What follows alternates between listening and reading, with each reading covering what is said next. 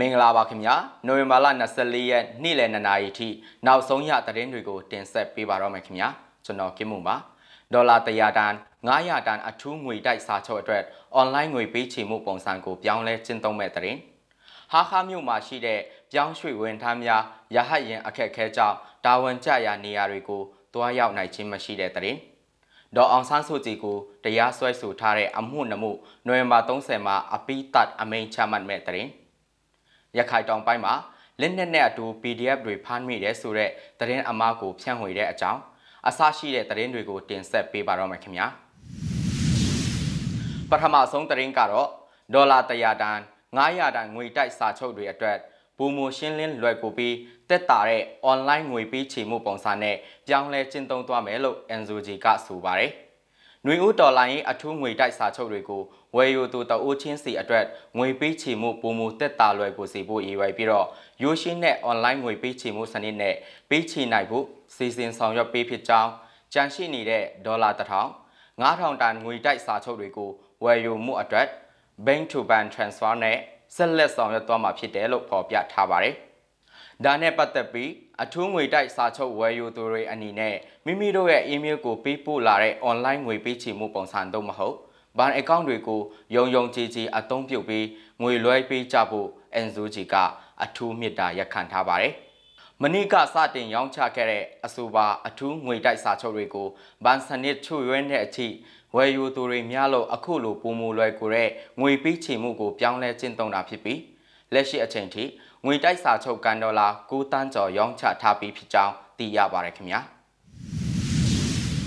ဟာခါမြို့ကတရင်နဲ့ဆက်ချင်ပါတယ်ချင်းပြည်နယ်ဟာခါမြို့မှာတာဝန်ကျနေတဲ့ဝန်ထမ်းတွေထက်ကအပြောင်းအရွှေ့ရာထူးသူတက်ပိပင်စင်ခံစားပြီးနေရက်ပြန်မဲ့ဝန်ထမ်းအများစုမှာရဟရင်အခက်ခဲတွေကြောင့်ဟာခါမှာတုံတင်နေကြတယ်လို့ပြည်နယ်ရုံးနဲ့နှိစက်တဲ့အတိုင်းအဝန်းမှာသိရပါတယ်ခင်ဗျာ ဒါပြင်ချင်းပြည်နယ်မှာတာဝန်ကျနေတဲ့နန် CDM တွေရဲ့ရာထူးသူအပြောင်းအရွှေ့တွေကိုလည်းစစ်ကောင်စီမှရဟတ်ရင်နဲ့သာလှုပ်ဆောင်ပေးနေပြီးကားလမ်းမှသွားချင်းကိုခွင့်မပြုတော့ကြောင်းလည်းသိရပါတယ်။ဟာခါမှာဝန်ထမ်းတွေတော်တော်များများပိတ်မိနေကြတယ်။လက်ရှိလုပ်ငန်းခွင်တဲ့နန် CDM တွေကိုလည်းအပြောင်းအရွှေ့သွားလာတဲ့အခါမှာကားလမ်းကနေသွားခွင့်မပြုတော့ဘူး။အရေးကြီးတဲ့စာရွက်စာတမ်းတွေကိုလည်းယူသွားခွင့်မပေးတော့ဘူး။စစ်ကောင်စီကရဟတ်ရင်စီစဉ်ပေးတယ်။ ဒါပေမဲ့ရဟရင်နဲ့လိုက်ပါမဲ့သူကမမြဘူးဖြစ်နေတယ်ရဟရင်ကလည်းတလမှာတခါဘန်ကူငွေလာဖို့မှပဲဆင်းတော့တယ်လို့ပြည်နယ်ရုံးနဲ့နှိစက်သူတအုပ်ကဆိုပါတယ်လက်ရှိချင်းပြည်နယ်မှာတာဝန်ထမ်းဆောင်ပြီးနောက်တက်ပိပင်စင်ခံစားပြီးနေရက်ပြန်မဲ့သူများစွာရှိနေတဲ့အပြင်စီးပွားရေးလုပ်ငန်းရှင်တွေကလည်းအဆိုပါရဟရင်နဲ့လိုက်ပါနိုင်ဖို့အတွက်လက်ထူးမှုတွေရှိနေတယ်လို့လည်းသတင်းအရင်းမြစ်တအုပ်ထံမှသိရပါတယ်ခင်ဗျာ အခုကရဟရင်လမ်းကြောင်းတွေရှိနေတယ်ရဟရင်နဲ့လိုက်ခွင့်ရတဲ့စရင်ကိုဘယ်လိုပြုတ်စုလဲတော့မသိဘူးတကယ်ဆိုအရေးကြီးတဲ့သူတွေကိုရဟရင်နဲ့အိုးစားပြီးလိုက်ခွင့်ပေးရမှာတချို့ဆိုရင်တာဝန်ကျတဲ့နေရာကိုမပြောင်းရွှေ့နိုင်သေးဘူးပင်စင်စားတွေဆိုရင်ကားနဲ့လဲမသွားရဲလို့ဟာခါမှတောင်းတင်နေတာတချို့ဆိုရင်3လလောက်တောင်ရှိနေပြီး ဒါပေမဲ့ရဟရင်လာတဲ့အခါသူတို့တွေမပါသွားဘူးစီးပွားရေးသမားတွေပဲတဝက်ကျော်လောက်ပါနေတာတွေ့ရတယ်လို့သတင်းအရင်းမြစ်တအုပ်ကပြောပါတယ်ချင်းပြည်နယ်နဲ့ပြည်မဘက်ချမ်းကိုဆက်သွယ်ထားတဲ့ဟာခါဖလန်ဂလီကာလန်ကျောင်းနဲ့ဟာခါဂန်ဂောကာလန်ကျောင်းတွေကို CDF အဖွဲ့ဝင်တွေနဲ့ပူးပေါင်းမဟာမိတ်တပ်ဖွဲ့ဝင်တွေကထိန်းချုပ်ထားကြောင်းသိရပါတယ်ခင်ဗျာ။ ဆက်လက်ပြီးတော့နိုင်ငံတော်အတိုင်ပင်ခံပုဂ္ဂိုလ်ဒေါ်အောင်ဆန်းစုကြည်ကိုတရားစွဲဆိုထားတဲ့စူပူအောင်လှုံ့ဆော်မှုပုံမှန်905ခါခွဲနဲ့တဘာဝဘီအန်နယ်စီမံခန့်ခွဲမှုဥပဒေချိုးဖောက်မှုပုံမှန်25ဒုတ်နဲ့ပတ်သက်ပြီးလာမယ့်နိုဝင်ဘာ30မှာအပိတတ်အမိန့်ချမှတ်မှာဖြစ်ကြောင်းနေပြည်တော်ရှိတရားရုံးအတိုက်အဝန်းထံမှလာတဲ့သတင်းတွေအရသိရပါတယ်။ထောင်ဒဏ်နှစ်နှစ်အထိချမှတ်နိုင်တဲ့ပုံမှန်905ခါခွဲမှာဒေါ်အောင်ဆန်းစုကြည်ဟာဦးဝင်းမြင့် ဒေါက်တာမြို့အောင်တို့နဲ့အတူတရားစွဲခံထားရတာဖြစ်ပါတယ်။ဒါဟာသူတို့သုံးဦးလုံးကိုစစ်တပ်ကဖမ်းဆီးခဲ့ပြီးရက်အနည်းငယ်အကြာမှာ NLD Facebook စာမျက်နှာမှာတင်ခဲ့တဲ့ကြီးညာချက်နှစ်ဆောင်ဟာစူပူမှုဖြစ်စေတယ်ဆိုတဲ့အကြောင်းပြချက်နဲ့တရားစွဲဆိုထားတဲ့အမှုဖြစ်ပါတယ်။သူတို့ကိုဖမ်းဆီးပြီးနောက်မှထွက်ပေါ်လာတဲ့ကြီးညာစာတွေဖြစ်တဲ့အတွက်ဆွဆွဲခံရသူတွေဘက်ကတော့အပြစ်မရှိကြောင်းအရင်ရုံးချင်းတွေမှာထွက်ဆိုထားကြပါတယ်။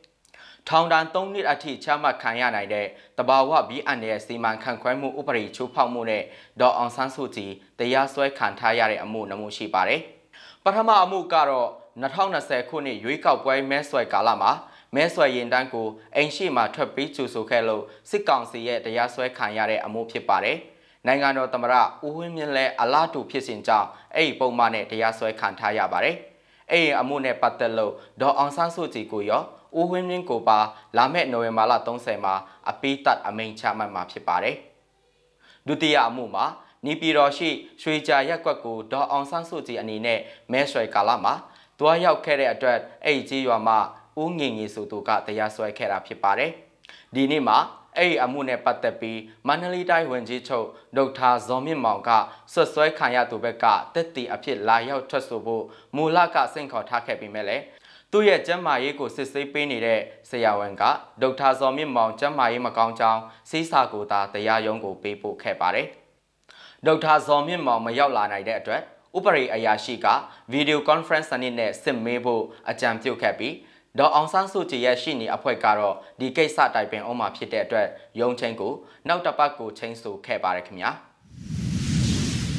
ရခိုင်တောင်ပိုင်းမှာ လက်နက်နဲ့အတူ PDF တွေဖမ်းမိတယ်ဆိုတဲ့သတင်းအမှားကိုဖြန့်ဝေတဲ့အကြောင်းကိုလည်းတင်ဆက်ပေးချင်ပါတယ်ရခိုင်ပြည်နယ်တောင်ပိုင်းတန်တွဲငပလီ PDF အယောက်30ကိုလာပီနီကအဲအဲကထောက်ပံ့ထားတဲ့လက်နက်ခဲယမ်းတွေနဲ့အတူဖမ်းဆီးရမိတယ်ဆိုတဲ့သတင်းတစ်ခုကိုအောင်ဘညိုဆိုသူ Facebook account ပိုင်ရှင်ကတင်စေးရမိထားတယ်လို့ဆိုတဲ့လက်နက်ဓာတ်ပုံနဲ့တကွနိုဝင်ဘာလ20ရက်နေ့ကရေးတင်ထားပါတယ်။အဲ့ဒီသတင်းကို အောင်ဘညိုက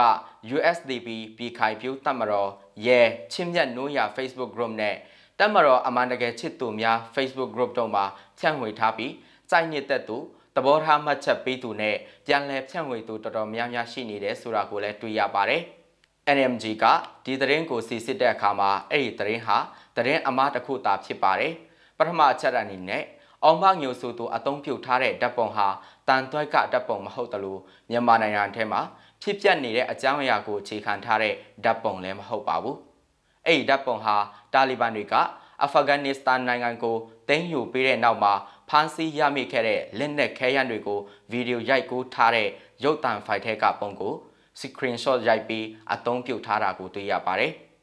တစ်ဖက်မှာလည်းစစ်တပ်ကအာဏာသိမ်းယူဖို့စ조사ခဲ့တဲ့နောက်ပိုင်းတိုင်းနယ်ပြည်နယ်တော်တော်များများမှာအမျိုးသားညီညွတ်ရေးအစိုးရ NUG က